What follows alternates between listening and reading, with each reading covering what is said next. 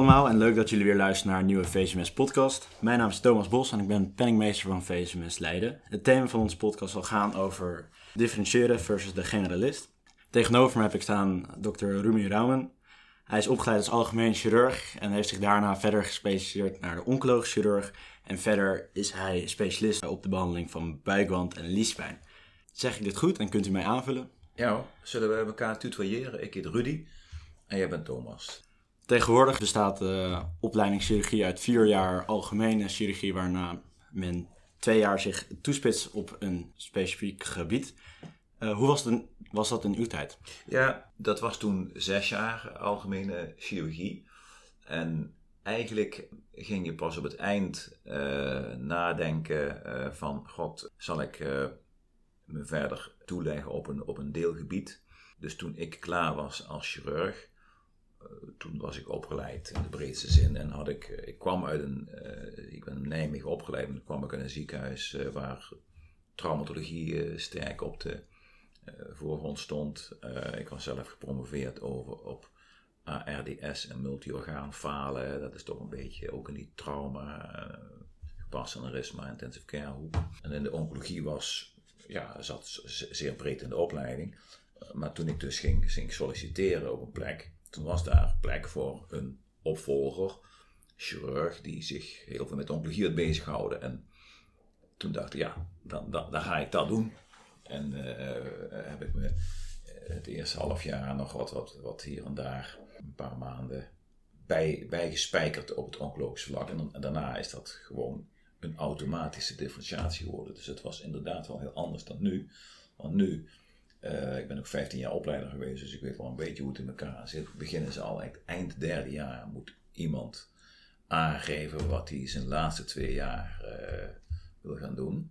Vijfde, zesde jaar, ik zeg het niet helemaal goed. Eind vierde jaar, halverwege het vierde jaar moeten ze dat uh, aangeven. En wat je dus ziet gebeuren is dat veel AIOS al in het derde, vierde jaar zeggen: Ah, ik, ik, ik ga de vaten in. En dan beginnen ze dan al zich nog niet meer zo te interesseren voor de traumatologie en de oncologie.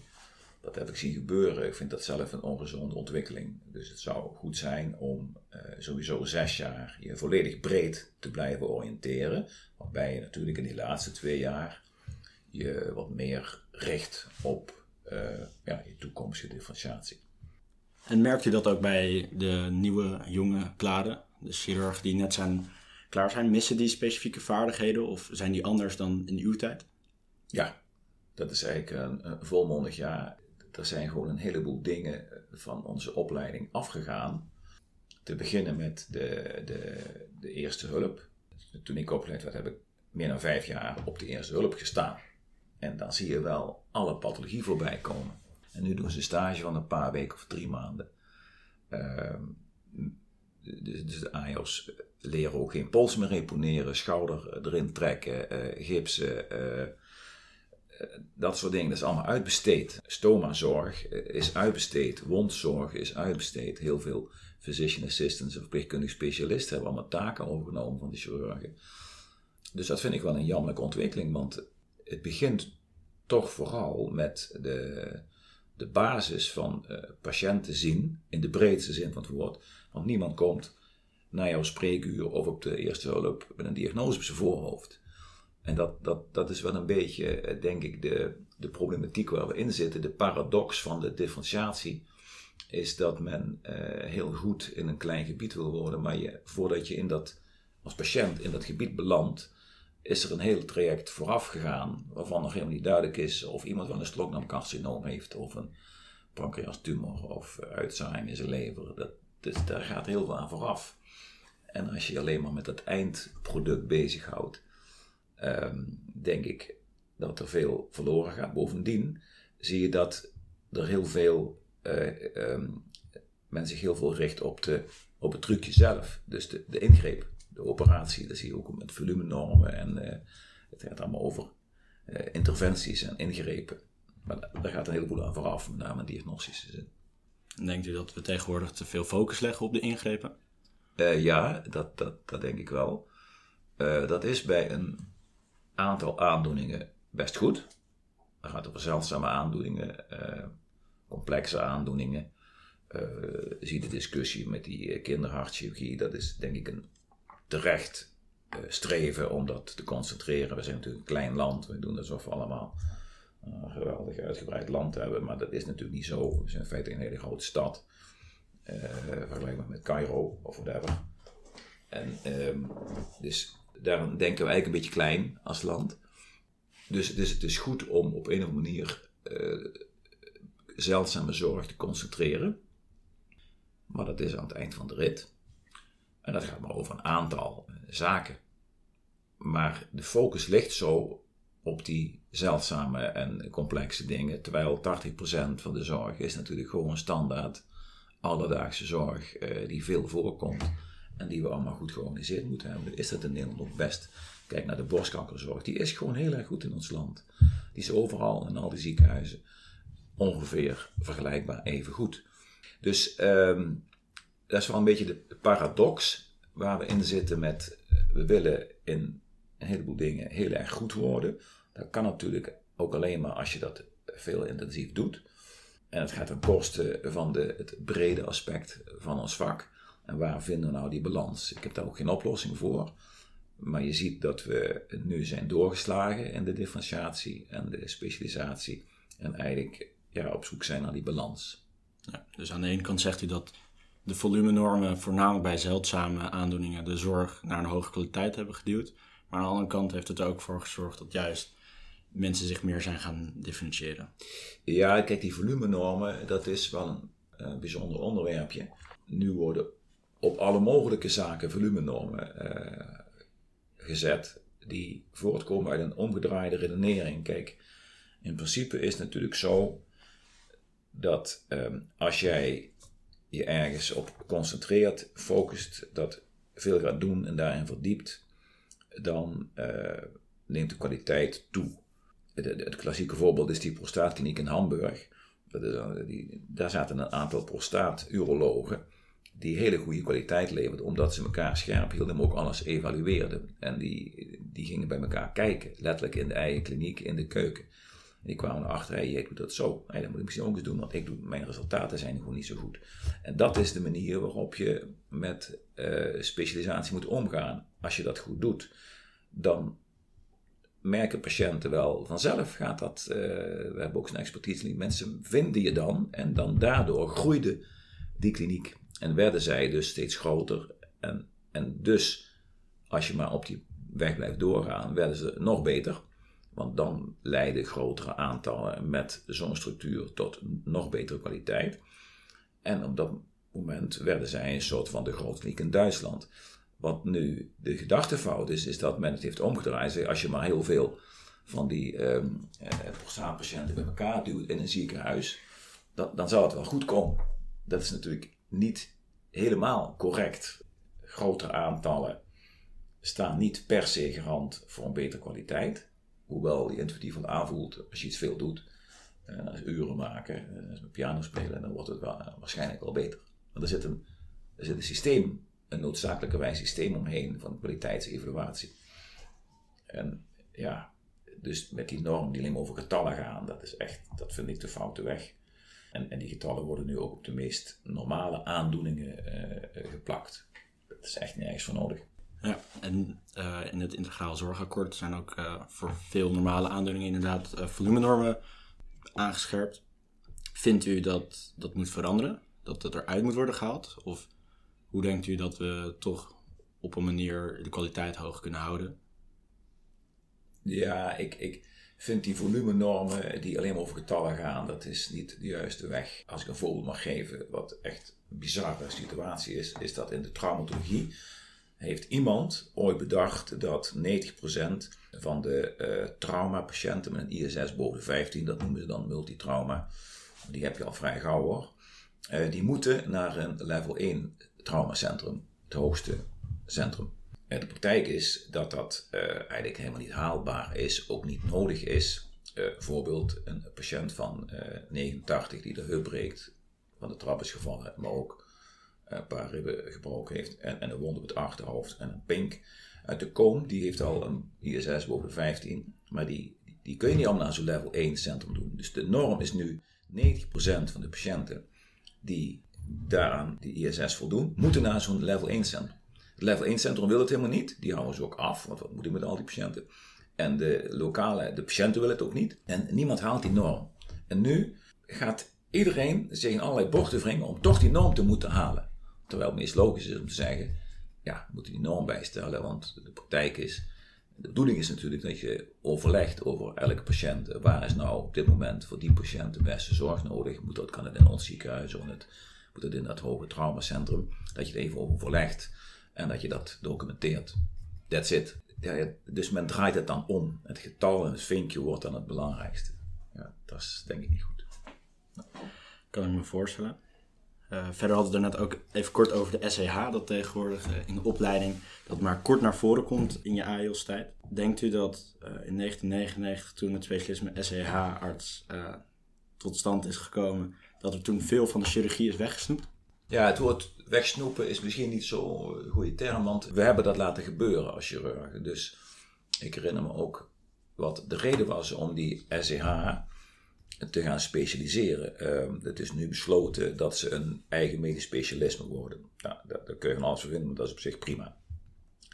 Het oorspronkelijke idee was dat wij, bijvoorbeeld chirurgen en internisten, en dat is natuurlijk de hoofdmoot, op die eerste hulp de jongste bedienden neerzetten.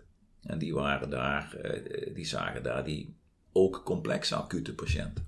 En dan werd je als chirurg gebeld terwijl je spreekuur had. En dan zei ik, kom eens even kijken. En dan ging je daar wel even niet uh, snel naartoe. Dus toen heb ik gezegd, dat is eigenlijk niet goed. Je moet daar uh, voor die, ja, er zitten wel eens wel alledaagse kleine dingen. Maar zitten ook best wel complexe zaken en acute zaken op die eerste Dan moet je gespecialiseerde mensen hebben die daar meteen bovenop zitten en dat goed doen.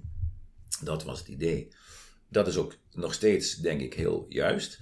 En als nou alle patiënten op zo'n eerste hulp ook echt gezien zouden worden door die gespecialiseerde SIH-artsen, dan zou ik dat prima vinden. De praktijk is dat er weer een laag tussen gekomen is met weer de jongste bedienden die die patiënten zien, met co-assistenten, semi-artsen, uh, huisartsen, stagisten, militairen die een stage komen lopen. Alle mogelijke mensen lopen daar stages in die patiënten. Dus het is gewoon een laagte.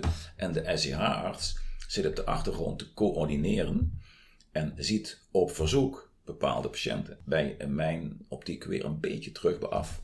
Daarnaast is um, op zich is het prima want die SCH-artsen zijn natuurlijk wel breed opgeleid, uh, hebben kennis van alle mogelijke zaken, interne chirurgie, uh, gynaecologie, cardiologie, allemaal dat soort zaken door elkaar heen. En heel veel ouderen hebben natuurlijk multimobiliteit. Uh, en, en, dan is het goed dat daar een generalist als een SCH-arts zit. Dus dat is, dat is op zich prima. Eh, ik heb een beetje nagedacht over, over, over, deze systematiek, want feitelijk gaan die SEH-artsen die generalistische rol vervullen. Alleen het probleem voor hun is dat het vaak over, het gaat over acute zaken. Uh, twee, ze hebben geen onder, uh, onderbouwing of opleiding in wat er met die mensen gebeurt. Dan kom je toch op ingrepen en activiteiten die achter de poort plaatsvinden. En drie, ze hebben geen follow-up op de lange termijn van die patiënten. Dus er ontbreekt bij hun, denk ik, dat is domweg de structuur waarin ze werken, een groot deel van die brede kennis, omdat het, uh, zij heel vooraan in het korte, acute diagnostische traject zitten. En je leert je vak van je patiënten en de follow-up. Dus, uh, het is niet alleen maar een trucje doen. Uh, je moet die patiënt van begin af aan zien, meedenken over de diagnose en, en dan zien wat er gebeurt. En dat, dat kan ik bijvoorbeeld best breed, maar ik hoef niet al die interventies te doen. Dat is ook de gedachtefout, alsof eh, differentiëren betekent dat je, als je breed wil zijn, dat je ook alles moet kunnen. Dat is helemaal niet waar. Je moet breed zijn in het begin, in het diagnostische traject, kunnen meedenken over complexe problematiek. En als je dan zegt, ja, maar deze patiënt heeft nu uiteindelijk dat en dat, ja, dat is voor die chirurg die daar heel erg goed in is, die moet dat doen. Daarnaast moet je je blijven verdiepen in wat de uitkomsten van die patiënten zijn, zodat je daar, daar bouw je je hele, uh, en dat is voor jullie jongere geneeskundestudenten en dadelijk uh, co-assistenten en, en uh, assistenten zo. Je leert het vak van je patiënt. Je leert het niet uit de boeken. Je leert het alleen maar door heel veel patiënten te zien, te vervolgen, van die feedback te krijgen. Met name ook wat, wat wat wij aanrichten, wat het met hun gedaan heeft. Uh, wij chirurgen beschadigen die mensen. En wat, wat richt dat nou aan bij hun? Wat zijn de consequenties daarvan? En, en als je dat niet hoort en terugkrijgt, omdat je alleen maar dat trucje gedaan hebt, dan kun je daar niet van leren. En dan kun je het ook niet aan andere patiënten overdragen. En dat, dat is denk ik een uh, groot goed als je breed uh, georiënteerd blijft en je betrokken voelt bij, een, de chirurgische patiënt in de breedste zin. Dat geldt ook voor de internist. En volgens mij met die twee vakken samen zou je die generalistische functie uh, in een soort superrol ook op de eerste hulp samen kunnen vervullen. Vindt u dat dan de samenwerking tussen de SEH en de chirurgie anders moet? Of denkt u dat de rol echt vervuld kan worden door de internist in combinatie met de chirurgen? Bij zo'n samenwerking zou ik denken dat dan de chirurg een bredere blik krijgt en tegelijk de SEH-artsen ook weer de klinische consequenties zien. Ja, ik denk dat, dat je niet terug naar het idee van weg met die SEH-artsen, we gaan het zelf doen, dat is uh, een doodlopende route. Dus de SEH-artsen, wij zouden ons als chirurgen meer betrokken moeten voelen bij die SEH. En uh, daar ook echt letterlijk aanwezig zijn en makkelijk contact hebben over de patiënten. En ik denk dat je met de, een generalistisch internist en chirurg samen met die SEH-artsen op die manier een hele mooie samenwerking kunt neerzetten. Ja. Vindt u dat dan ook anders in de opleiding naar voren moet komen met uw ervaring als opleider? De, de, de opleiding wordt eigenlijk een beetje uitgekleed. Ja, dat heeft te maken met allerlei maatschappelijke ontwikkelingen. Daar, daar kun je ook niet terugdraaien, die zijn nou eenmaal zo. En het is niet een pleidooi voor uh, nog harder of meer werken, maar uiteindelijk leer je je vak door de uren die je maakt en, en de patiënten die je ziet. En je zult toch gewoon, dat is net als met elke uh, ja, normaal piano spelen, dat kun je alleen maar goed gaan doen als je, je moet talent hebben, maar je moet wel uren maken. Dat is niet anders. Ehm, even kijken terug naar je vraag. Ik heb dus zien gebeuren dat door de opleidingsstructuur bijvoorbeeld de, uh, het meedoen van, van de assistenten chirurgie op de eerste hulp is uitermate beperkt. Die worden erbij geroepen als patiënt kant-en-klaar gestoomd is met een diagnose. En dan zeg je, hebt een appendicitis acuta. Ja, oké, okay, ja, we gaan eens even kijken. En dan uh, wordt de patiënt geopereerd. Maar dus daarmee, als je dat maar lang genoeg zo doet, ontbreekt dus jouw kennis om een patiënt met een acute buik als eerste te zien. Dus ja, dat is allemaal door anderen gedaan. En dan reduceer je je vak tot een trucje waarbij je die appendix eruit haalt. Als die patiënt ook nog eens de dag erna naar huis gaat, wat tegenwoordig natuurlijk allemaal heel snel is. En je ziet die niet zelf op jouw spreker terug. Ja, dan, ja, wat, dan heb je je vak wel heel erg uitgekleed. Dat geldt voor alle aandoeningen, die daar, eh, dus met name alle uh, buik, thoraxpathologie aandoeningen. Uh, tweede is dat in de dienstenstructuur, dat is denk ik een, bij veel uh, opleidingen het geval, nachtdiensten wordt gezien als van, ja, daar leer ik niks. Dus het moet overdag zijn, want dat zijn de opleidingsmomenten, dat, die gedachte snap ik. Als gevolg, dat ook nachtdiensten, dat zijn ze niet gewend. Derde is dus dat heel veel uh, pathologie eruit getild is en overgedragen aan ja, anderen, zoals ik net noemde, wondzorg, stomazorg, whatever kun je allemaal invullen. Uh, en dus je raakt een belangrijk deel van je diagnostiek uh, kennis kwijt. Denkt u dat pathologie nu bijvoorbeeld bij de gipsmeester ligt en de wondzorg bij de wondverpleegkundige, dat het heeft ook bijgedragen aan het feit dat we nu een overschot hebben aan chirurgen die net klaar zijn met hun opleiding? Dat denk ik niet. Nee, het is niet zo dat de differentiatie of de specialisatie zelf geleid heeft tot dit overschot. Uh, die markt zit helaas vast door uh, ja, dat het totale financiële kader uh, ja, is gewoon is in het plafond. overal heb je MSB's en, en, en, en maatschappen en coöperaties. En daarin zit door die plafondwerking weinig ruimte om te verdunnen. Ook weinig wil om te verdunnen, moet ik eerlijk toegeven. En dat is denk ik de belangrijkste reden dat daar te weinig uh, jonge klaren een positie hebben kunnen krijgen. Uh, anders dan in fellow-constructies, wat natuurlijk een financiële uitbuiting in wezen is. Daar heeft die differentiatie niet in bijgedragen. Het omgekeerde is zelfs een beetje het geval. Als je kijkt naar mijn uh, expertise, daar, daar kun je nu twee gespecialiseerde chirurgen op zetten. Wat ook gebeurt als wij. Uh, gaat straks weer een oude chirurg weg en die, die, die wordt vervangen door min of meer twee anderen. Die, anders krijg je die, kun je die gaten niet opvullen wat die, wat die allemaal een expertise achterlaat. Denk ik dat er een tendens is dat er toch een beetje, een beetje naar beneden wordt gekeken naar de generalisten die alleen maar de laagcomplexe chirurgie doen. Ja, dat is inderdaad een. Uh, ik denk dat je dat wel een terecht punt van maakt. Kijk, er wordt.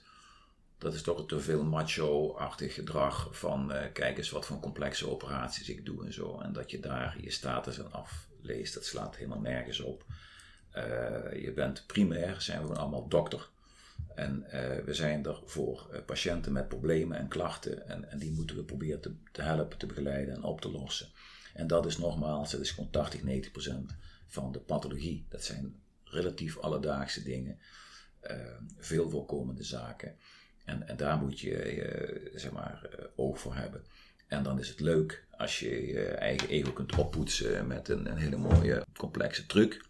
Prima hoor. En de een kan die truc wel en de ander niet. Maar als je daar nou je professionele waardering en status van af laat hangen, dan denk ik dat je, dat je het niet goed uh, ziet. Ik moet zeggen, mijn voldoening haal ik uit de dankbaarheid en de waardering die je van je patiënten krijgt.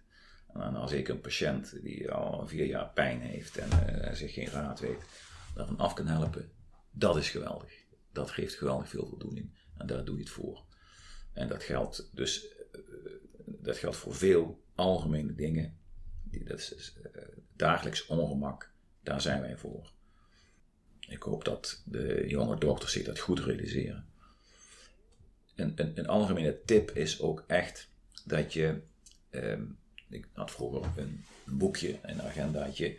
Maar je, je, moet op een of andere manier, zoals ik het noem, patiënten die jou opvalt bij een overdracht in een uh, poli-spreekuur. Uh, of dat je ergens iets hoort of je ligt in de kliniek. Opschrijven in dat boekje. Want je weet niet wat hij heeft of wat er uitkomt of hoe het hem zal vergaan. En dan moet je daar eens een maand of één, twee later naar kijken. Je kijkt naar de uitslag van de PA. Hé, hey, rip, die. Of je kijkt naar de foto's van hoe is dat nou genezen met die fractuur bijvoorbeeld. Als je dat niet doet, leer je niks. Want dan, en zeker in de huidige tijd waarin de patiëntencontacten heel kort zijn. Dus je ziet mensen tekort, maar heel eventjes en dan ook door de grote wisselingen is die uit je beeld overmorgen. En dan heb je geen follow-up en daar leer je te weinig van. Je leert van de follow-up van die patiënt. En uh, dus ik doe het nog steeds. Ik zet dus een patiënt uh, die ik, van kijk, wat zou die PA-uitslag die zet ik in mijn Outlook-agenda voor over twee weken.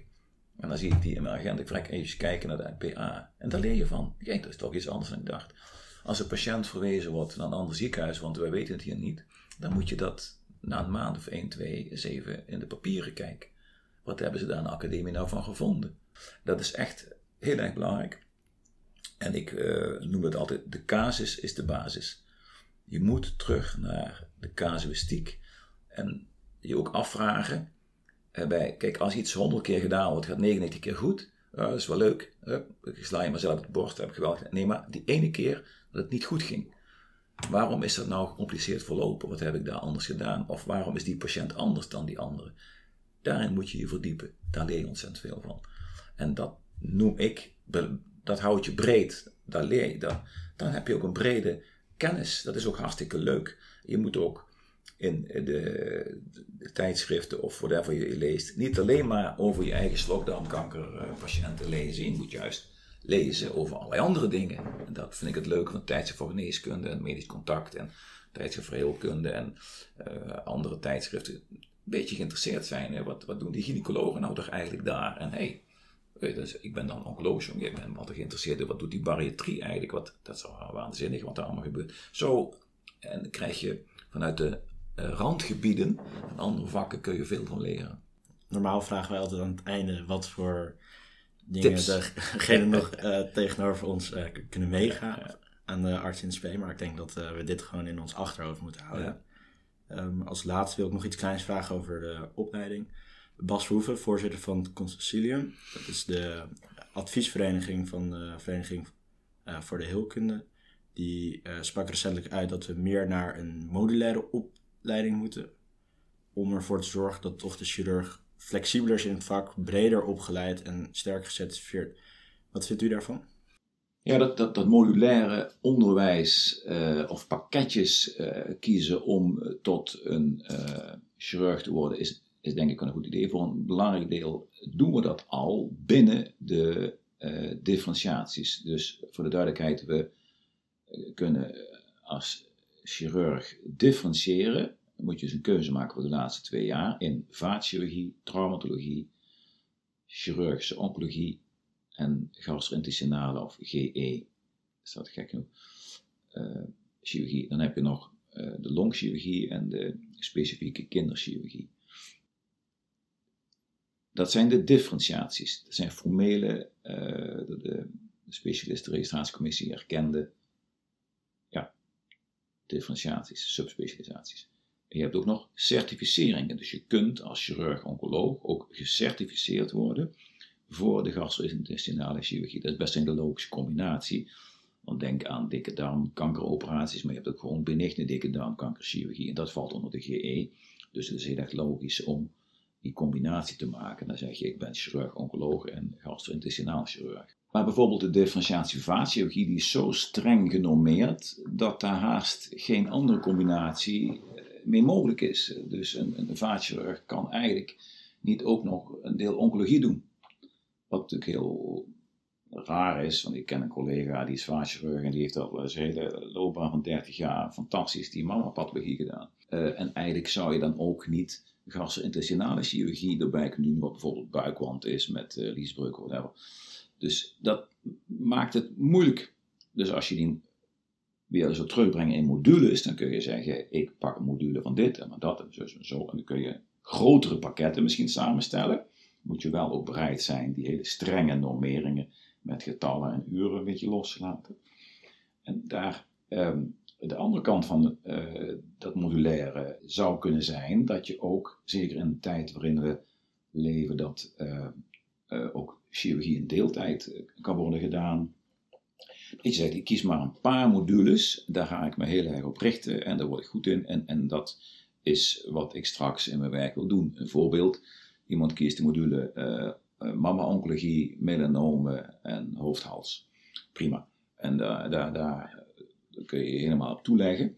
Betekent wel dat je bijvoorbeeld in de maatschap nauwelijks diensten kunt doen. Want in de diensten komen de acute buiken bijvoorbeeld en uh, dat soort zaken, maar die heb je dan niet in je module zitten. Dus dat betekent dat je uh, op een andere manier uh, je vak, maar ook je positie in de maatschap aanbiedt. En het zou ertoe kunnen leiden dat er ook wat meer mogelijkheden ontstaan, ruimte voor jonge klaren om, om, om in een bepaalde positie te kunnen werken. Daar kan ik me van alles bij voorstellen. Dan moet ik wel bij nogmaals de kanttekening zetten dat op dit moment we al redelijk veel van die modules hebben, die dus in een deel van die differentiatie zitten, waarbij die overlappen uh, er soms zijn, met name tussen de GE-onco en de uh, gastrointestinale en anderzijds vrij streng afgebakend. Dat laatste uh, zou dus doorbroken moeten worden. Ja. Nog even als toevoeging op die meerwaarde van zo'n algemeen generalistische chirurg of internist, is dat ik in de loop van de jaren heb gezien dat patiënten nog alles regelmatig tussen wal en schip vallen. Die, die maken een rondje specialist, die hebben een bepaald probleem. En dan gaan ze naar de chirurg, naar de gynaecoloog, naar de maag-darm-leverarts, de internist zeker met bepaalde specifieke aandachtsgebieden. Aan het eind van de rit staat zo'n patiënt weer buiten en iedereen zegt, ja, op mijn gebied geen afwijkingen. Terwijl, ja, er zijn best wel hele algemene, dat heb ik natuurlijk vooral uit die buikpijnhoek uh, voorbij zien komen. Dat je denkt, ja, als je nou eens met een wat meer helikopterview, uh, met je algemene kennis naar zo'n probleem kijkt, en niet alleen maar vanuit je eigen fuik en, en eigen hokjesgedachten, dan, dan, dan, dan kom je misschien veel makkelijker tot een diagnose. En um, dat, is, dat is echt jammer uh, dat we die manier dat Ik vind dat Marcel Levy daar ook heel vaak mooie stukjes over schrijft. Over dat we wat meer moeten ook durven generalistisch te denken en handelingen, besluiten te, te nemen. Dr. Rudy Raumen, ik wil u hartelijk bedanken. Leuk dat u even tegenover ons zou zitten. Ik denk dat de artsen in SP genoeg hebben om over na te denken. En ik denk dat u ook al net een paar mooie tips hebt meegegeven om in ons achtergrond te houden terwijl wij onze opleiding proberen af te maken. Hartelijk dank. Ja, nou uh, Thomas, heel graag gedaan. En tenslotte, uh, ja, bedankt uh, dat ik hier aan die podcast mocht meewerken. Dat heb ik heel graag gedaan. Ik vind het fijn dat ik de jonge generatie een beetje kan laten proeven van mijn ervaringen. Ten slotte wil ik vooral zeggen dat wij een dokter zijn is een, geweldig vak. Het is een voorrecht om, om dit te mogen doen. Je krijgt voldoening en waardering terug voor je werk. En dat kan niet iedere Nederlander zeggen die ergens werkt. En uh, het, is geweldig om met, met, met die zingeving bezig te zijn. En ik hoop dat jullie realiseert dat je in principe word je dokter. En dat is, een, dat is al een breed algemeen beroep. Waarin je er bent om andere mensen te begeleiden en te helpen en van, van raad te voorzien. En dan wens ik jullie heel veel succes in je, in je keuze die je gaat maken uh, realiseer je dat het, het, pad wat je opgaat, uh, dat moet je vooral intuïtief volgen. Het pad zelf is het mooiste, het einddoel, dat is eigenlijk niet in ons vak, want dat is het vak zelf. En daarom hoop dat jullie de goede keuzes maken. Succes ermee. Hartelijk dank.